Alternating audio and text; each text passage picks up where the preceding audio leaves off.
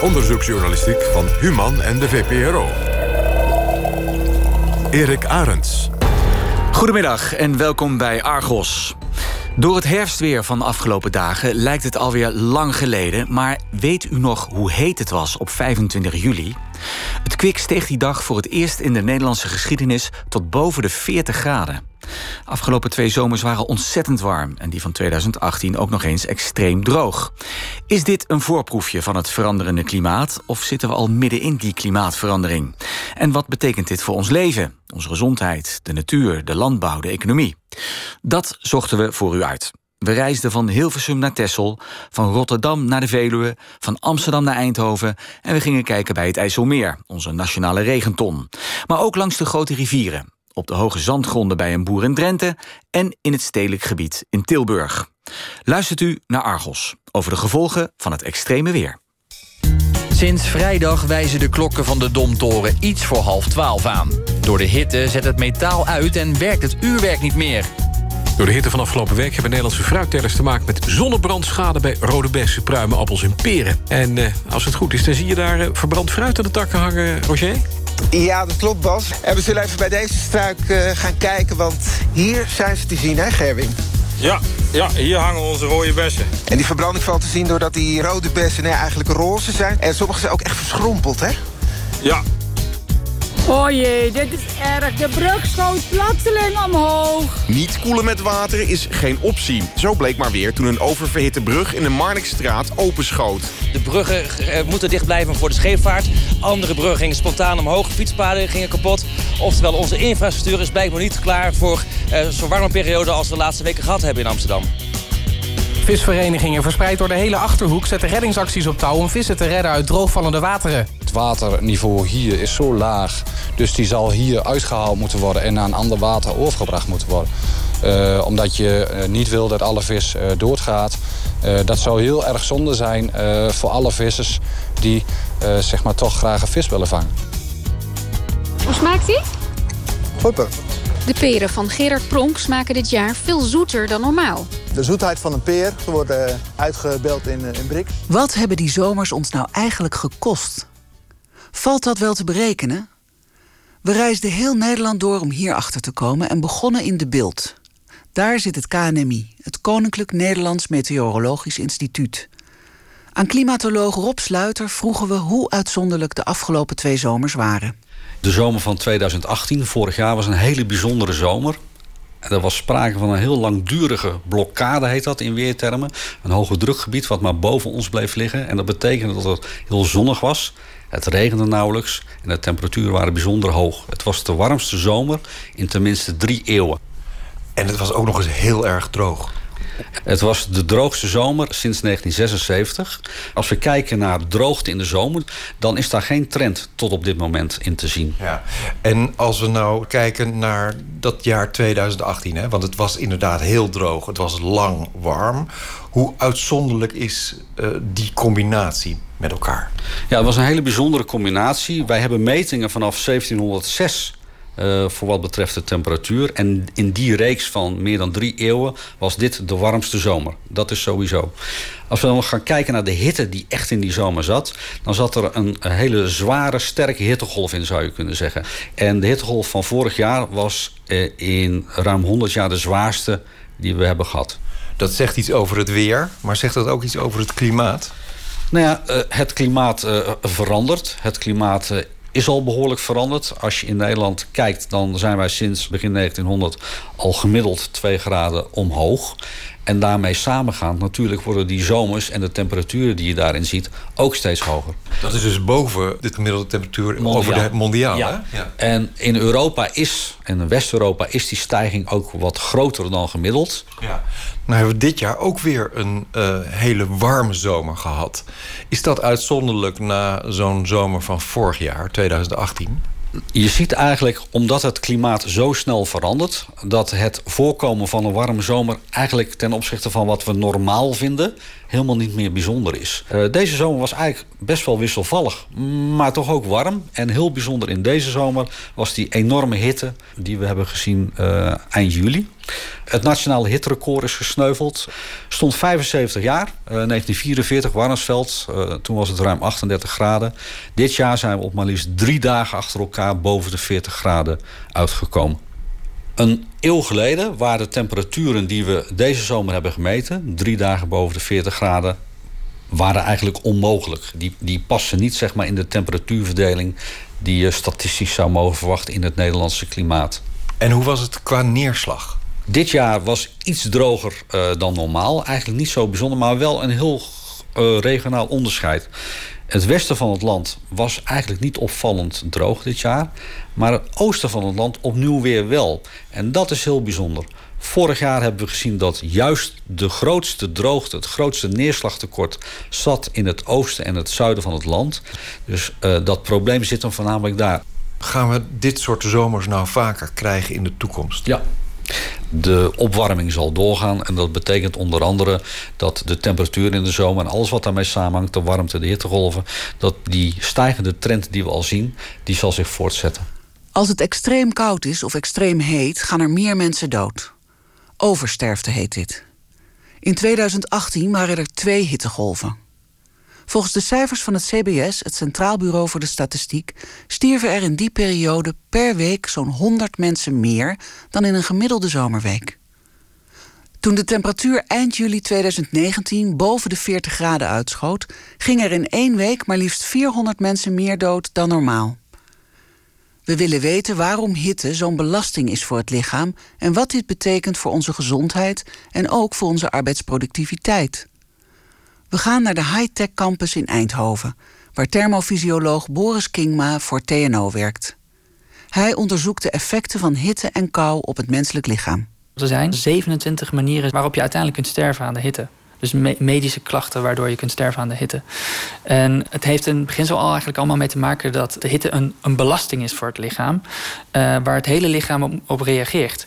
Het is eigenlijk dus van welk onderdeel de zwakste schakel is in jouw lichaam dat dit plaats uh, heeft kunnen vinden. Maar vorig jaar uh, in de zomer was het ook heel warm.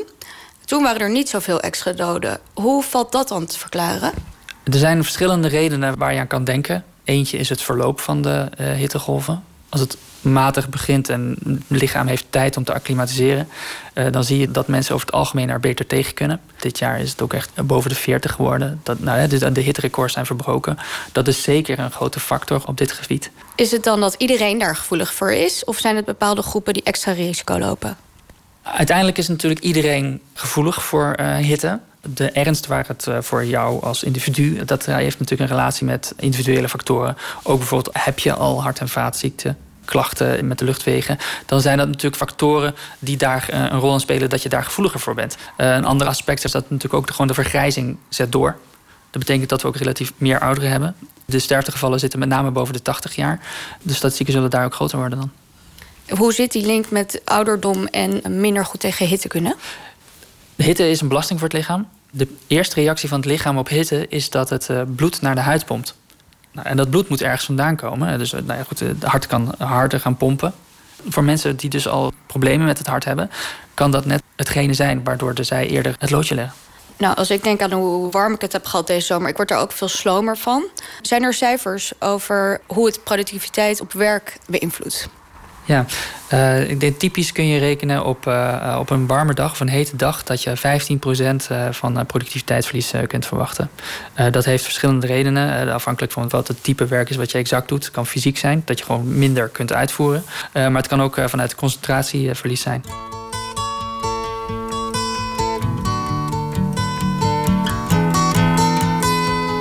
Ook de Rotterdamse politie had afgelopen zomer last van de hitte. In een jolige bui tweette wijkteam Feyenoord op 24 juli, de dag waarop het hitterecord voor het eerst werd gebroken. Ren alsjeblieft niet weg als wij roepen dat je moet blijven staan. In verband met het weer doen wij geen achtervolgingen te voet. De zomer van 2018 was zo uitzonderlijk dat ook het ministerie van Infrastructuur en Waterstaat wilde weten hoeveel deze Nederland heeft gekost. Ze lieten onderzoeks- en adviesbureau Ecoris een rapport opstellen. Economische schade door droogte 2018. Suzanne van der Kooi is een van de auteurs van dit rapport.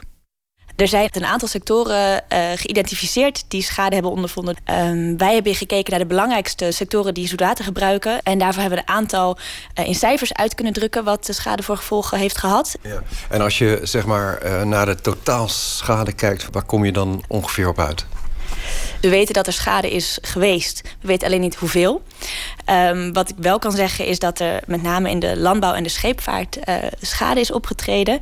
Uh, en dat hebben we ook in cijfers geprobeerd uit te drukken. Voor de landbouw komt het uit tussen de 375 miljoen en 1,9 miljard. Dus dat is een, een, grote bandbreedte. Voor de scheepvaart hebben we ook een bandbreedte. Dat is tussen de 65 uh, en 155 miljoen. Maar we hebben gezien dat, het, um, dat er veel regionale verschillen zijn in de landbouw. En veel ook op individueel bedrijfsniveau. Dus ook al zou er één schadebedrag uitkomen, dat is niet representatief voor wat er op iedere boerderij is gebeurd. Ja, en uh, die droogte is vooral te danken aan een gebrek aan neerslag in, in die periode. Klopt. Um, en dan hoeft de, de, gebrek aan neerslag niet per se uh, binnen ons land te zijn. Wat we zien bij de scheepvaart is dat de afvoeren van rivieren uh, veel lager zijn. En daarnaast speelt ook nog verdamping een rol he, door de hitte. En uh, het zoutgehalte wat omhoog gaat. Dus bij de landbouw kon er op sommige plekken niet beregend worden... omdat er te veel zout in het water zat, wat ja. schadelijk is. Ja. En welke sectoren naast landbouw en scheepvaart hebben nog zoveel last gehad van die warme, droge zomer van 2018? Naast landbouw en scheepvaart hebben we ook gekeken naar uh, natuur. Uh, naar stedelijk gebied, naar de energie- en industriesector, de drinkwatersector uiteraard en ook het waterbeheer is meegenomen. Ja, en uh, wat me opviel is dat jullie aan natuur geen prijskaartje hebben gehangen. In 2018 en 2019 zijn 70 à 80 procent van alle kokkels in de Waddenzee gestorven. Daar moet toch een prijskaartje aan te hangen zijn? Er zijn heel veel individuele gevallen waarbij er schade is ondervonden. Het droogvallen van de vennen of het verplaatsen van vissen vanwege de waterkwaliteit. Ja. Er is veel reuring geweest in de natuursector. Ja, er is één uh, bedrijf uh, in de industrie geweest, hè, Nourion, die uh, ja, zijn productie heeft moeten terugschroeven. Zijn er meer bedrijven geweest die met schade te maken hebben gehad? In ons rapport lichten we inderdaad één voorbeeld toe. Dat is Norion. Die hebben inderdaad de productie teruggeschroefd. Er zijn een aantal uh, andere bedrijven die keuzes hebben moeten maken. In de timing bijvoorbeeld, van wanneer ze welke activiteiten uitvoeren. We hebben gesproken met uh, de brancheorganisatie VEMW. Um, zij hebben aangegeven uh, dat met name Nourion inderdaad schade heeft ondervonden. Maar dat bij de andere industrie er zeker reuring is geweest. Maar het eigenlijk net goed is gegaan. Ja, en wat betekent dat? Dan hebben ze misschien wel minder winst kunnen maken of uh, uh, minder productie kunnen draaien. We hebben wel gehoord dat er uh, aanpassingen in bedrijfsvoering hier en daar zijn gedaan. Mm -hmm. He, dus verschillende keuzes gemaakt zijn of ingeteeld op voorraad. En in ons rapport hebben we wel gezegd van nou, als we Nourion doortrekken naar de hele sector, dan kan daar een aantal miljoen aan schade geweest zijn. Een van de grootste verliezers is de landbouwsector. Op de hoge zandgronden, bijvoorbeeld in Drenthe, is de schade ten gevolge van het lage waterpeil ingrijpend. We gingen langs bij een van de getroffen boeren, Jan Reinier de Jong. Hij teelt aardappelen, suikerbieten en brouwgerst in Odoorn, ten noorden van Emmen.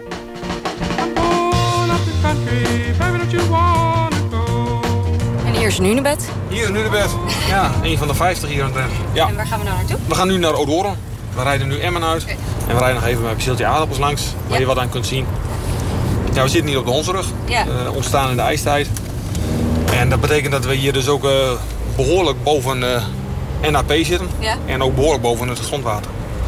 En dat laatste is echt een belemmering, want ja, als er geen water van boven komt, van onder krijgen we het niet. Het grondwater zit hier op een meter of tien en dat is ja, te ver weg voor, voor, voor onze gewassen. En hoe hoog, hoe hoog zitten we boven NAP? Ongeveer 25 meter. Hier zien we de maïs. Nou, je kunt wel zien dat de maïs heel klein is. En dat die uh, gewoon uh, hiervoor ook uh, heel laag is. En ja, het is gewoon een gevolg van droogte. Want hoe hoog zou dat normaal zijn? Nou, wel 2, 2,5 meter. En het is nu ongeveer? Ja, 1,50, 1,60, 1,70. Je krijgt nog even naar achter en dan kun je nog even met de aardappels zien. Nou, hier staan we bij de aardappels. Je kan eens even een stam optrekken en kijken wat eronder zit. Ja. Je kunt wel zien hoe droog die ondergrond nog is. Hè? Want ja. het is gewoon nog stofdroog. Want aan de bovenkant ziet het er best wel nattig ja. uit. We hebben de afgelopen uh, nou, tien dagen denk ik net zoveel neerslag gehad als in mei, juni, juli en augustus samen. En het is nog hartstikke droog. Dus dat geeft aan hoe weinig er gevallen is. En ja, hoe, hoe weinig dit nou is. Ja, want als je dus aan de bovenkant kijkt, is het nog wel een beetje nattig. En dan ga je iets meer naar onder. En dan merk je al dat het echt veel droger is. Het is gewoon stokdroog nog. Het is gewoon nog niet. Nee. Oh. En dat is dus eh, waar de aardappels zitten. En dit lijkt nog best wel redelijk hoor. Alleen deze aardappels die zijn echt gewoon te klein. Ja, En, want eh, hoe groot zijn zijn nu? Nou, wat zou je zeggen? Ja, het zijn net mandarijntjes, hè? Ja. Zo groot als mandarijntjes en ze moeten eigenlijk zo groot zijn als sinaasappels. Ja, we hebben eh, nu ook in 2018 een periode gehad dat het gewoon eh, maanden niet geregend heeft. Nou, en de afgelopen zomer ja, hebben ook de meeste buien toch gemist, helaas. Maar kan je dan niet eh, gewoon sproeien? Kun je dan niet gewoon sproeien? Eh, nou, dat is een van de dingen waar we natuurlijk wel serieus naar kijken. Eh, het makkelijkste is als je dus inderdaad gewoon oppervlakte water hebt waar je eh, uit kunt putten. Dat hebben we niet. Dat betekent dus dat we bij elk perceel een, een put zouden moeten slaan. Nou, dat is een kostbare hobby. Want hoe duur zou het zijn om, zo'n, om van die putten te slaan? Een put kost tussen de 5.000 en 7.000 euro. Nou ja, dan ben je nog een beregingshaspel nodig. eh, en een pomp en alles noem maar op. En dan ga je gauw richting eh, ja, tussen de 60.000 en 80.000 euro eh, aan investering. En dan komt dus de brandstof daar nog bij. Of, nou ja, of, of elektrisch, dus met wat je voor kiest. Dus ja, je moet al gauw rekenen dat je per keer bij regen een, ja, tussen de 60 en 100 euro per hectare kwijt bent. Kan je je daartegen verzekeren, tegen dit soort weer, droogte? Er is een brede weers- weersverzekering. Eh, we hebben er zelf voor gekozen om daar geen gebruik van te maken. Die brede weersverzekering wordt dan meegescherpt als dat, alsof dat het wondermiddel is. Nou, het eigen risico ligt op 50%. Nou, met een eigen risico van 50%, ja, dan weet je automatisch dat het negatief is. En het is een, kostbare verzekering. En ja, dit heeft zo'n impact ook op je inkomen dat je, ja, ja, je toch serieus moet kijken van kunnen we ze op een andere manier oppakken. En mensen schrikken altijd van de bedragen, maar eh, ik denk dat we vorig jaar toch tussen de 80 en 100.000 euro eh, minder, eh, dat er minder is binnengekomen. Ik hoor ook mensen van nou, dan ga je toch gewoon andere gewassen telen. Nou, je hebt net gezien, er staan hier een paar aardappelschuren, er is fors geïnvesteerd in die aardappelteelt. Dan praat je over een investering van honderdduizenden euro's, dus die kun je me zo niet, niet even aan de kant zetten. En merk je ook dat bij de andere bedrijven hier in de buurt... dat die dezelfde problemen hebben gehad? Ja, je ziet omheen wel dat mensen daar ook financieel eh, behoorlijk onder geleden hebben. En er staan nu ook wel wat bedrijven te koop die zeggen na twee zulke jaren van... hé, hey, ik, eh, ik ben eh, mooi in richting de 60, ik heb geen bedrijfsbevolger, eh, ik heb er geen zin meer in, ik, eh, ik zet mijn bedrijf te koop. Het zijn niet alleen de akkerbouwbedrijven die minder opbrengst hebben. Ook veehouders hebben het zwaar. De droogte was slecht voor de groei van het gras, waardoor de kosten voor veevoer stegen. Daarnaast waren er door de hitte lagere zuivelopbrengsten. Koeien geven namelijk minder melk als het warm is. Dit bij elkaar opgeteld heeft bij rundveebedrijven geleid tot aanzienlijk minder inkomsten. In het rapport van Ecorus, waarover we zojuist hoorden, wordt dit becijferd op 39 procent. We gaan naar natuurgebied De Plankenwambuis op de Veluwe. Daar doet het Nederlands Instituut voor Ecologie in Wageningen al 25 jaar onderzoek naar de bodemgesteldheid. In de buurt van Ede hebben ze een proefveld aangelegd op voormalige landbouwgrond, waar wordt gekeken hoe het bodemleven zich ontwikkelt en welke invloed dit heeft op de toekomstige vegetatie. Wim van der Putten is een van de leiders van het project. Nou, we rijden door een mooie laan met eh, bomen. Ja, dit is het gebied richting Plankenwambuis. En daar hebben we ons eh, proefveld liggen wat we dadelijk gaan bekijken. En wat is de Plankenwambuis? Plankenwambuis is een eh, gebied van ongeveer 1600 hectare... waar eh, Natuurmonument het beheer eh, voert. En het is eigenlijk een natuurgebied vol met eh, wilde paarden die grazen... wilde zwijnen, reeën. Een mooi plekje in Nederland. Ja, we gaan het hek open doen. Hoe groot is het? Het is ongeveer zo groot als een voetbalveld. Je ziet allemaal houten paaltjes staan. En eh, die houten paaltjes die markeren waar verschillende proefvakjes eh, liggen. Er zijn eh, in die 25 jaar ja, ook allerlei veranderingen in het weer en in het klimaat geweest. Ik neem aan dat jullie daar ook naar kijken. In die tijd hebben we veel meer droge jaren gekregen.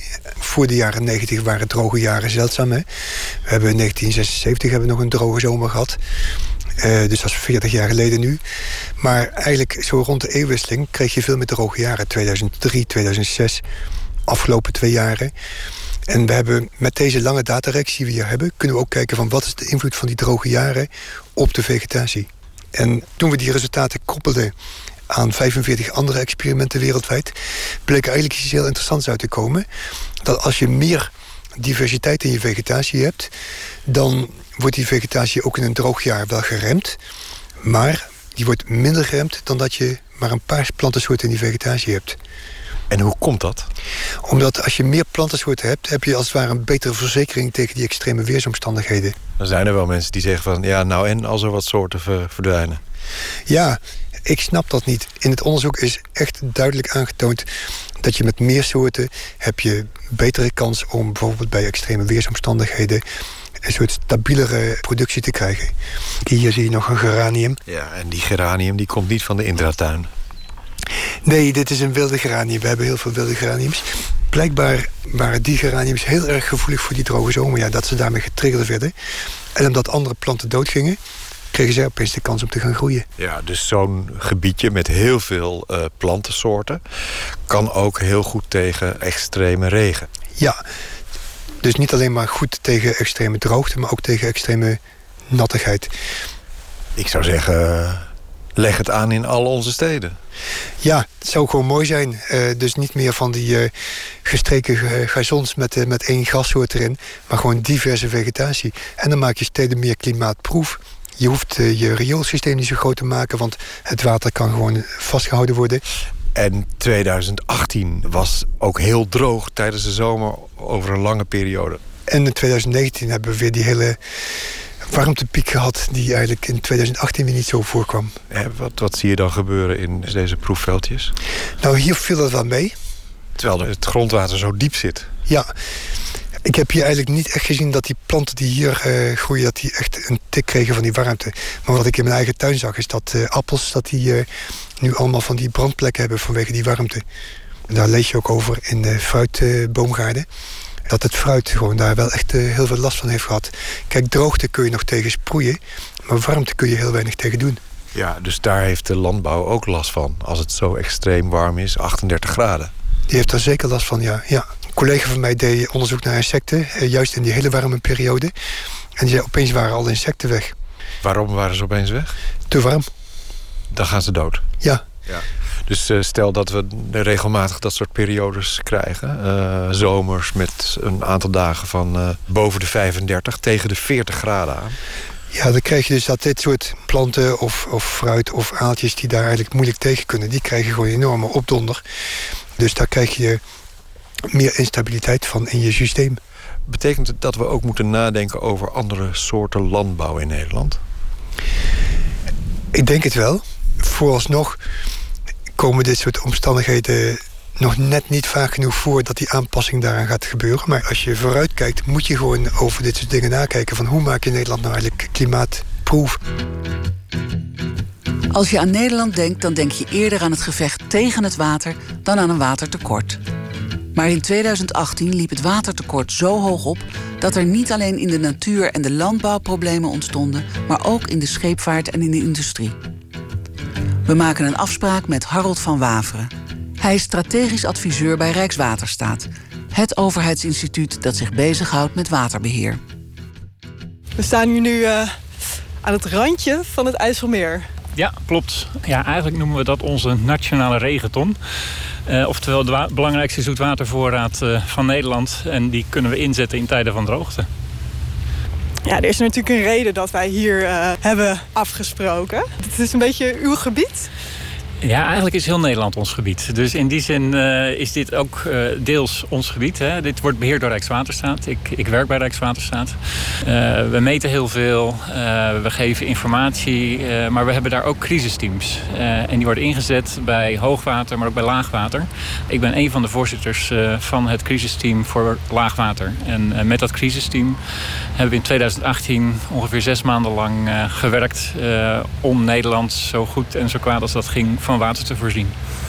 En waarom is dat zo belangrijk dat het water zo goed mogelijk wordt verdeeld? Nou, er zijn heel veel gebruikers in Nederland uh, voor dat water. Uh, landbouw kent iedereen wel, maar ook bijvoorbeeld scheepvaart. We maken er ook drinkwater van. Dus bijvoorbeeld IJsselmeer is een hele belangrijke drinkwaterbron. Voor de natuur is het water belangrijk.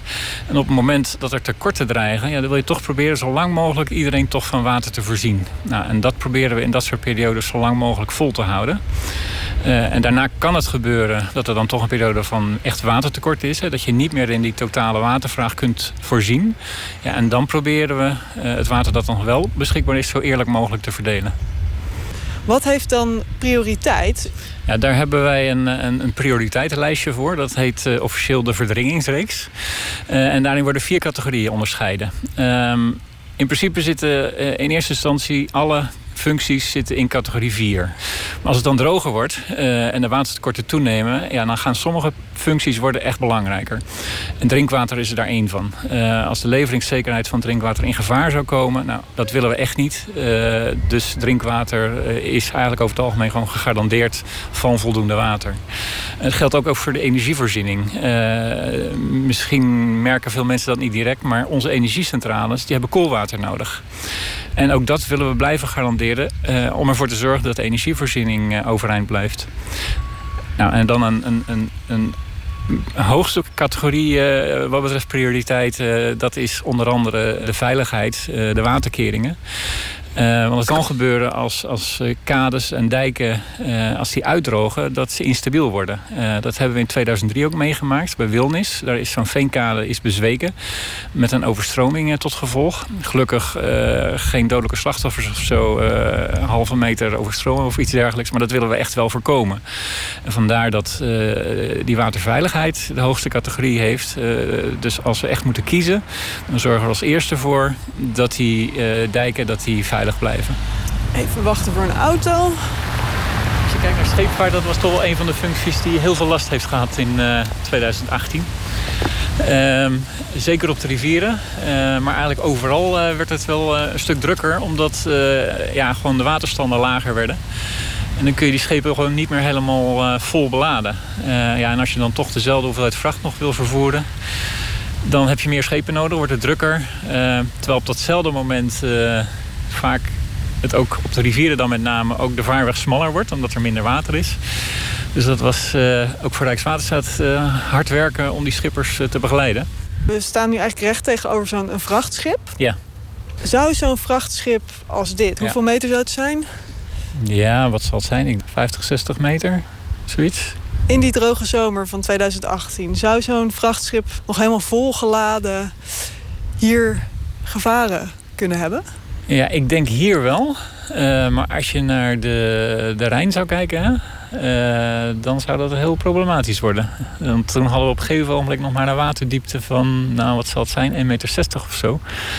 Ja, dat, dat is echt uh, heel weinig. En de meeste schepen die konden toen maar ja, maximaal 25, 30 procent meenemen van hun maximale capaciteit die ze normaal gebruiken.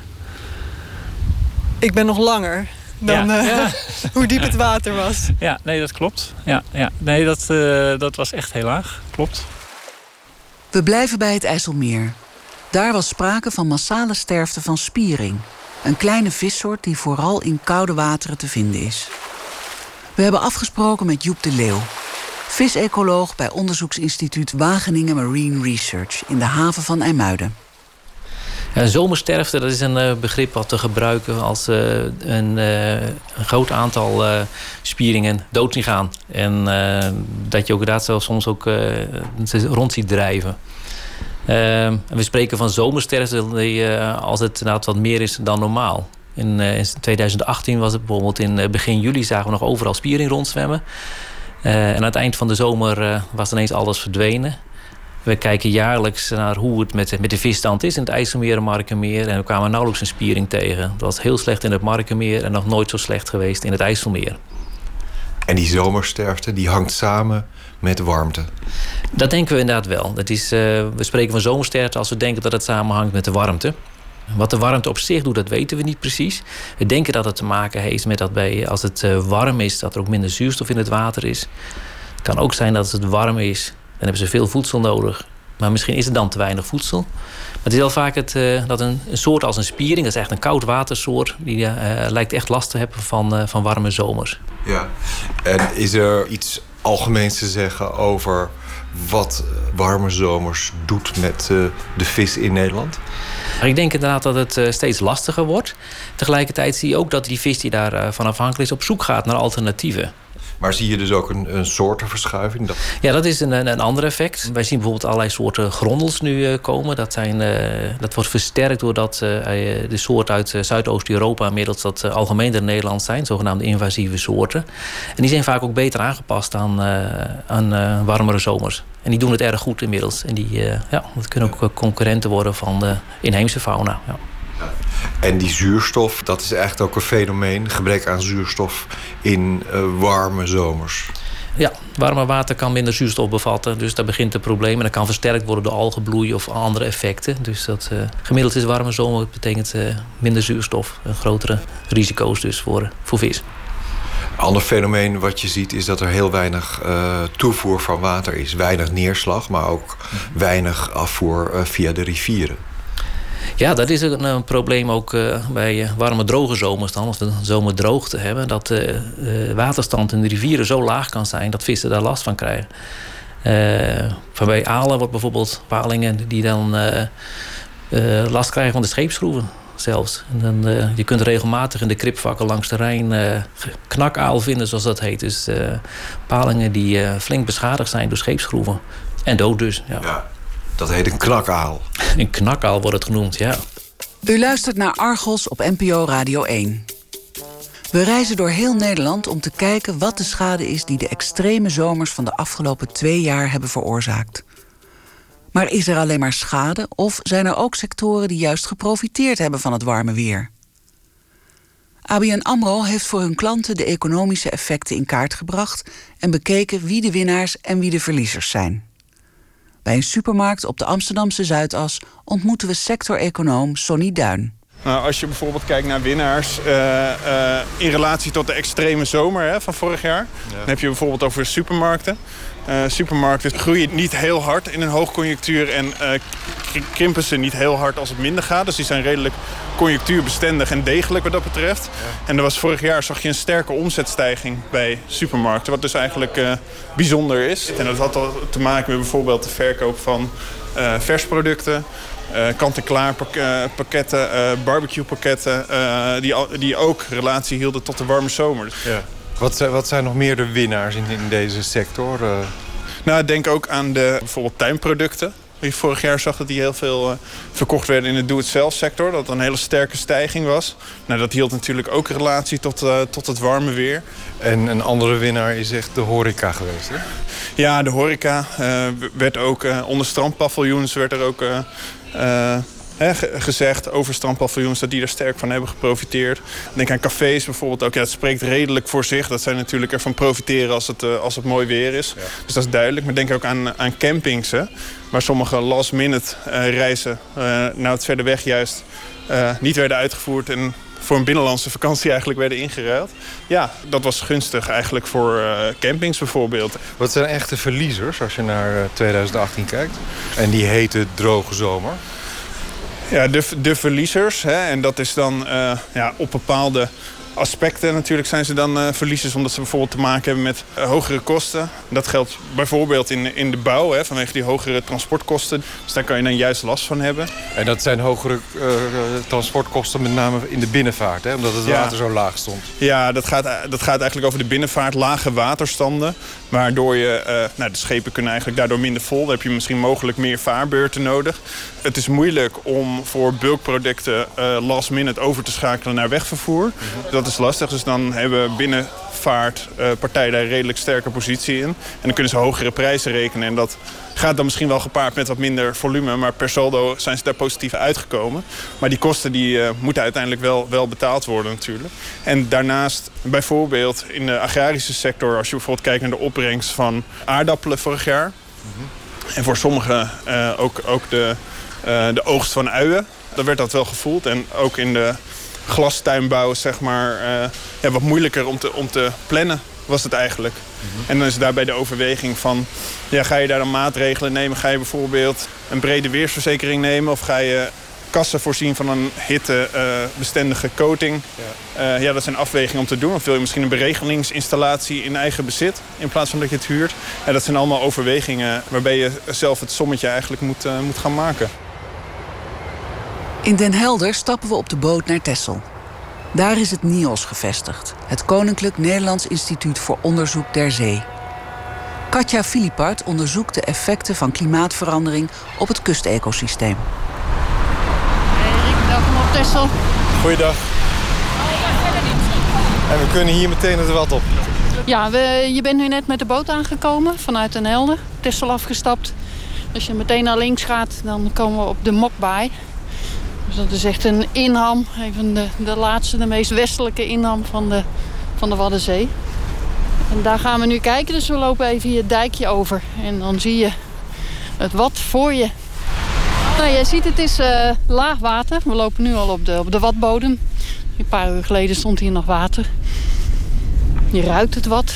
Wat je ook ziet, je hoort het al onder je voeten kraken. Het zijn allemaal dode schelpdieren. Ja. We zien hier... Uh, nou, dit is een Japanse oester. Dat is een invasieve soort, zoals we dat noemen. En die Japanse oester die kan ontzettend goed tegen warm weer, hè? Het is een warmwatersoort. En dat is inderdaad, als je nou gaat over warm weer... Nou ja, eh, je hebt daar de winnaars en de verliezers. En deze Japanse oester is een winnaar. Ja, want als we eens even kijken naar die zomer van 2018... wat kan je dan zeggen over winnaars en verliezers? Nou, wat een van de dingen die we hebben gezien... is die enorme kokkelsterfte vorig jaar. Al twee jaar achter elkaar? Al twee jaar achter elkaar. En wat we vorig jaar zagen, was, hadden we heel veel oude kokkels. Bejaarden las ik. Bejaarden, precies. Dat waren bejaarde kokkels. Dus op het moment dat die omvielen in grote getalen dachten we, nou, dat zou best te maken kunnen hebben met het feit dat die grotere beesten, oudere beesten, gevoeliger zijn voor die hoge temperaturen. En we hadden ook wel heel veel jonge beestjes en die leken het beter te doen. Maar dit jaar hadden we dus eigenlijk nog maar vrij weinig oude. We hebben ze nog wel, maar vrij weinig. Maar we hadden weer zeker 80% sterfte, gemiddeld gesproken. Dat is heel veel toch, hè? Of niet? Ja, en er komt nog bij dat je in die tijd dat je dus die hoge temperaturen had... in 2018, hadden we ook een droogte. En als we een droogte hebben in Nederland, dan gooien we alle sluizen dicht. Dus dat betekent dat we eigenlijk geen water meer naar de Waddenzee laten afvloeien. Dat houden we binnen, dat hebben we nodig voor, uh, als drinkwater. Dat hebben we nodig uh, voor onze landbouw. Dus we hebben minder water toegevoerd. We hebben daardoor minder voedsel, ook voor de schelpdieren. Dus misschien is het, is, heeft dat er wel aan uh, bijgedragen... dat ze mogelijk van de honger zijn doodgegaan. Ja, de kokkels zijn de verliezers geweest. De Japanse oester de winnaar. Ja. Is er iets algemeens te zeggen over wat dat soort hete zomers als 2018 en 2019 doet? Als het inderdaad een invloed heeft, zo'n hittegolf. We zien daar nu al heel veel signalen van. En het werkt door. En dan is de vraag, als het doorwerkt, wat gebeurt er dan? Kunnen ze zich aanpassen of niet? Kunnen dieren zich aanpassen? En uiteindelijk als dieren zich niet kunnen aanpassen... dan, nou, dan hebben ze nog twee opties eigenlijk. Of ze gaan dood. Of ze gaan naar een plek waar het dan wel goed genoeg is. Om, uh, en daarom zie je dus ook, een van de dingen die je ziet... is dan ook dat zuidelijke soorten in de Waddenzee komen... die we hier vroeger niet hadden. En uh, iets minder snel gaan noordelijke soorten eruit. Nou was het zo dat als het vroeger heel lang heel koud was en vroor... Ja. dat dan ook ontzettend veel beesten doodgingen. Dus het waren eigenlijk de, de strenge winters die, uh, nou, die leidden tot grote sterfte... en daarna gevolgd door grote geboortegolven. En nu lijkt dus die rol overgenomen te zijn door de, door de, nou ja, de hittegolven. Ja, dus zeg maar, de systemen worden niet langer gestuurd door de koude, maar door de hitte. Daar lijkt het nu wel op, ja. ja. De soorten zullen, waar ze zich vroeger nog een beetje wapenden tegen, tegen de kou...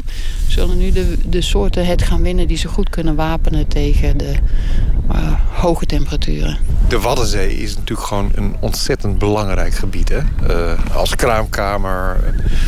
Het is het, het grootste aaneengesloten watplatengebied van de wereld. Dus dat is ook wel iets. Het is niet voor niks een werelderfgoed geworden. Dus het is belangrijk voor de locatie. En het is ook nog een keer belangrijk voor de soorten die hier tijdelijk... Hè, dus uh, bijvoorbeeld de trekvogels die uh, in het hoge noorden broeden... hier weer komen opvetten en in het zuiden overwinteren... en dan weer in het voorjaar weer opvetten om dat hele lange stuk te maken. Dus het is ook voor de wereldwijde verbinding. Het is echt ook een knooppunt. Ja. En de vraag is dus nu hoe gaat dit veranderen en wat betekent dan voor die functie? Dus je, nou, je noemde al uh, de kraamkamer, de kinderkamer. Wordt het nu misschien wel te warm voor jonge vis? Ook in stedelijk gebied heeft de natuur het zwaar te verduren. Rogier Mulder, medewerker groenbeheer van de gemeente Tilburg... nodigt ons uit om in zijn stad te komen kijken. Het is begin oktober en de gevolgen van de droogte en de hitte zijn goed te zien. We staan in het Leipark in Tilburg. En dus uh, veel grote bomen hier. En, uh, en rhododendrons en uh, andere soorten beplantingen. En je ziet hier een kastanjeboom. En die kastanje die laat nu al zijn blad vallen. En dat is best vroeg. We zien op verschillende plekken in Tilburg ook eikenbomen die normaal vrij laat zijn met het vallen van blad. Dat die nu in één keer hun blad laten vallen. En dat is puur door het gebrek aan vocht dat ze dat doen. Hoe erg is nou die hitte en ook gevolg daarvan de droogte voor, voor de stad Tilburg? Uh, het grondwater dat, dat is, zit behoorlijk diep op het moment. Hè. En, uh, ik heb me laten vertellen door de collega's van Water uh, dat we nog zeker drie jaar nodig hebben voordat het grondwater weer op peil uh, komt. En allemaal door vorig jaar eigenlijk? Ja, ja, met name vorig jaar. En dit jaar heeft niet geholpen. Hè? Ja, we hadden uh, nou zeker een half miljoen euro aan schade. Aan beplantingen en bomen die kapot gingen eigenlijk door de droogte. Ehm, maar bij bomen zien we nu eigenlijk pas de gevolgen. En om hoeveel ja. gaat het dan? Want hoeveel is er nieuw aangeplant? Het gaat echt wel om, om honderden bomen het regende vandaag heel hard. Eigenlijk de afgelopen dagen. Is dat dan niet gelijk de oplossing? Gaat het dan niet gelijk een beetje omhoog, het grondwater? Of gaat dat niet zo snel? Nee, ja, dat kan dus nog wel drie jaar duren voordat dat weer op peil is. Uh, en dat komt met name omdat wij een zandige bodem hebben. Hè? Dus het, het water dat verplaatst zich ook continu. Uh, maar ja, alles wat eruit gaat, dat komt er ook niet zomaar weer in. En je ziet dat met name in de stad, hè, daar is veel steen. Dus het water kan ook niet zo snel in de grond komen. En wordt meteen afgevoerd. Uh, en dat zijn we nu in heel veel projecten aan het veranderen. Om te zorgen dat er water niet meer meteen het riool ingaat. Maar dat we dat eigenlijk laten infiltreren in de bodem. Wat we ook hebben gezien in de stad op diverse plekken... was dat er opeens uh, grote takken uit bomen braken. En uh, dat is echt een droogte-effect geweest. Uh, dus die bomen die hebben zichzelf beschermd. Hebben letterlijk die tak geamputeerd, dus zelf. En daar hebben we ook wel schadegevallen mee gehad. Gelukkig geen letsel, maar wel uh, takken op auto's... En, die ineens op de weg liggen. In al het groen zien we schade. Straks is er niks meer over of is er alleen nog maar... zijn jullie afhankelijk van nieuwe aanplanten... terwijl het elke zomer warmer wordt. Wat dan? Ja, dan zoeken we dus naar soorten die wat beter tegen de dro droogte kunnen. Uh, dus we zoeken daar echt naar soorten die misschien wel uh, zuidelijker in Europa voorkomen. En die hier dus ook kunnen groeien nu, omdat het gewoon warmer wordt over de hele linie.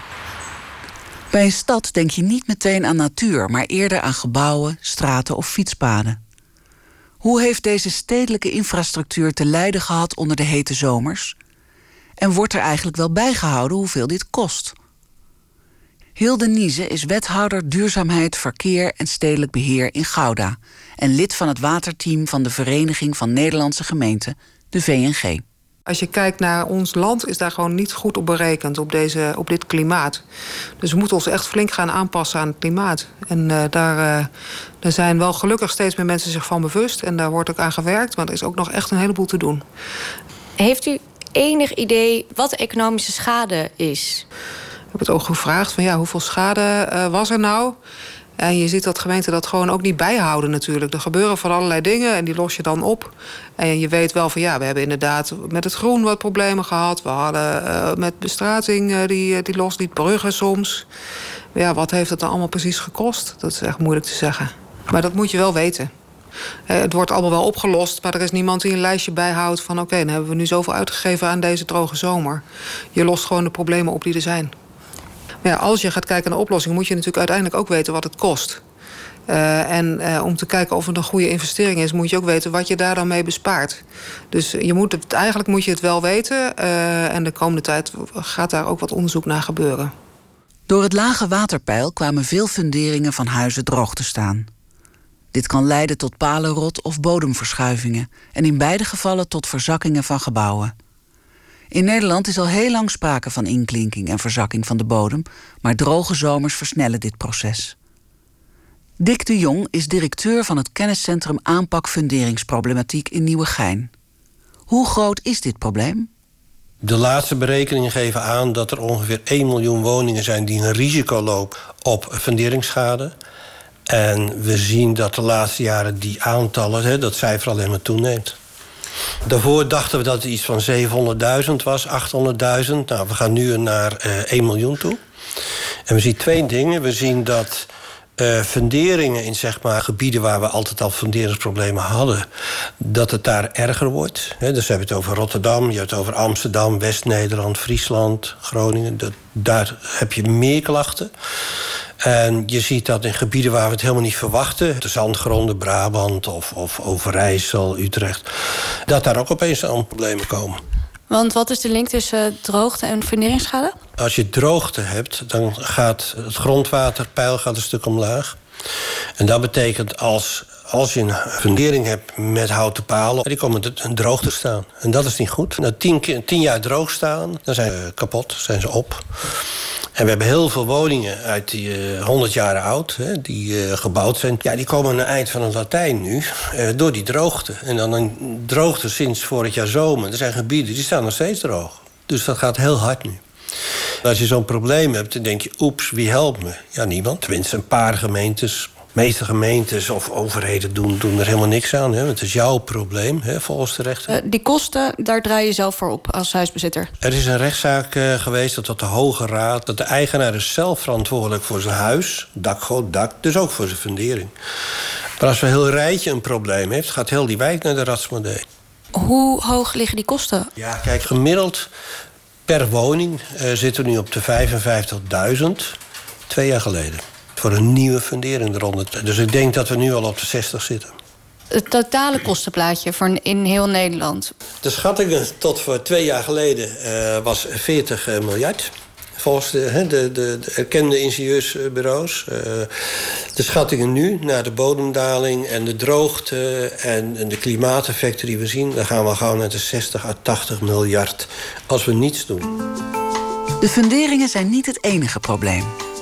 Ook andere delen van een gebouw kunnen beschadigd raken door extreem weer. Denk aan water- of stormschade of aan blikseminslag. Dit soort natuurgeweld heeft de afgelopen twee jaar geleid tot meer claims bij verzekeraars. En die toegenomen claims hebben gevolgen voor de premies die klanten moeten betalen voor de opstal- en inboedelverzekering. Ik ben Oscar van Elveren en ik ben woordvoerder bij het Verbond van Verzekeraars. Verzekeraars zijn aan slecht weer ongeveer zo'n 360 miljoen euro per jaar kwijt. Dat is een gemiddelde. Uh, maar als je bijvoorbeeld de hagelbuien neemt van uh, in 2016... dan zijn ze in één dag 600 miljoen euro kwijt. Nou, dat geeft wel wat aan dat je wat hoger uitslaat dan het jaarlijks gemiddelde. Daar zijn verzekeraars natuurlijk voor. Wij zijn er om, om het leed dan daarvoor uit te keren. Maar als dat structureel toeneemt... en daar zien we nu toch wel steeds meer tekenen van... ja, dan moet een verzekeraar er ook in bewegen. En dat zie je dus ook dat bijvoorbeeld verzekeraars de premie moeten verhogen... van vooral de opstal- en inboedelverzekeringen, dus de woonverzekeringen omdat ze anders de schadelast niet meer kunnen betalen. Het KNMI heeft een aantal weerscenario's doorberekend. Dus hoe gaat het weer er de komende jaren uitzien? Ja, en in het meest extreme geval, ze hebben een aantal scenario's... in het meest extreme geval uh, gaat dat voor verzekeraars betekenen... dat ze per jaar 250 miljoen meer aan schade moeten uitkeren. Of dus op dus hagel, regen en onweer. En waar is dat bedrag op gebaseerd? Dat bedrag is gebaseerd door te kijken op onze claimdata van de afgelopen jaren, wat we nu kwijt zijn aan, uh, aan slecht weer. Uh, nou ja, en dat dan gekoppeld inderdaad aan de toekomstige scenario's van, uh, van het KNMI. En dan zie je dus dat het met een kwart miljard kan oplopen. En dat is vrij veel geld. Als je ook terugkijkt in de resultaten van verzekeraars de afgelopen jaren, dan zie je dat de schadelast door uh, het weer en extreem weer uh, begint echt de resultaten te drukken. We hebben ongeveer 80 schadeverzekeraars in Nederland. Dat is een vrij concurrerende markt. Dus we zullen altijd proberen om zo'n laag mogelijke premie aan te bieden. Het feit dat je toch ziet dat veel verzekeraars moeten verhogen, dat is een indicatie dat de schadelast op dit moment gewoon echt te hoog is. Hogere verzekeringspremies dus, die het gevolg zijn van het veranderende klimaat. Maar is daar ook een bedrag of een percentage van bekend? Verzekeringsvergelijker Independer maakte voor ons een berekening van de premiestijging van de afgelopen jaren. Ze zitten in Hilversum, op vijf minuten loopafstand van het Mediapark. Suzanne Samsom is de woordvoerder. Wij houden sinds 2015 een premieindex uh, bij. En je ziet daarin dat de inboedelverzekeringen uh, met 13% zijn toegenomen. En de pakketverzekeringen, dat is de combinatie van een inboedel- en een opstalverzekering, dat die met maar liefst 25% zijn gestegen. En de belangrijkste stijging zit in de laatste twee jaar. En als je dan kijkt wat verzekeraars daarover zeggen als reden dat die premies omhoog gaan, dan zie je in hun communicatie heel duidelijk dat uh, de toenemende schadelast door de veranderende weersomstandigheden, dat dat de belangrijkste oorzaak is waarom die premies stijgen. En dat is best wel veel, 25 procent. Ja, dat is zeker een, een, flinke stijging. Wat ik al zeg, hij zit ook met name in de laatste twee jaar. Uh, dus dat kun je echt één op één koppelen aan die veranderende weersomstandigheden. En u zegt, dat zie ik terug in de communicatie van uh, verzekeraars. Maar u bent de expert. Weet u meer? Nou, we, hebben natuurlijk contact met heel veel verzekeraars over hun producten en over hun premies en hoe zich dat ontwikkelt. Dus wij horen dat heel veel in de markt dat dit komt omdat de, de weersomstandigheden veranderen. En dat is natuurlijk een belangrijke oorzaak voor, uh, voor meer schades en dus uh, uiteindelijk een hogere premie. Ja, hoe de klimaatverandering ons direct in de portemonnee raakt. U hoorde een reportage van Ellen van den Berg, Sophie Blok, Joline Kramer en Rick Delhaas. Eindredactie was in handen van Huub Jaspers, techniek Alfred Koster. Het ministerie van Infrastructuur en Waterstaat laat weten dat half december twee onderzoeksrapporten naar de Tweede Kamer worden gestuurd over die hete droge zomer van 2018. De schade van die zomer wordt voorlopig geschat op een half miljard tot 2 miljard euro. Op onze website vindt u nog veel meer informatie over de gevolgen van de oprukkende hitte. Ga daarvoor naar vpro.nl/argos. Daar vindt u ook nieuws over de laatste ontwikkelingen in een andere kwestie waarover we eerder berichten, namelijk de activiteiten van de Iraanse geheime dienst in Nederland. In 2015 en 2017 werden in Almere en Den Haag twee tegenstanders van het Iraanse regime vermoord. Vorige maand melden we dat meerdere Iraanse politiek activisten in Nederland bescherming krijgen omdat zij bespioneerd en bedreigd worden. Ook berichten we toen dat in verband hiermee in Zweden een verdachte is opgepakt. Nou, afgelopen woensdag bevestigde deze Zweedse speciaal aanklager ons bericht en wij interviewden hem over de beschuldigingen tegen deze verdachte, Ragdan Al-K. Hij zou informatie over tenminste vier personen aan Iran hebben doorgespeeld. Daarbij gaat het onder meer over om foto's van een woning, kentekenplaten van voertuigen en inloggegevens van die Iraanse activisten. De strafzaak tegen Al-K begint op 19 november en wij houden u daarvan uiteraard op de hoogte.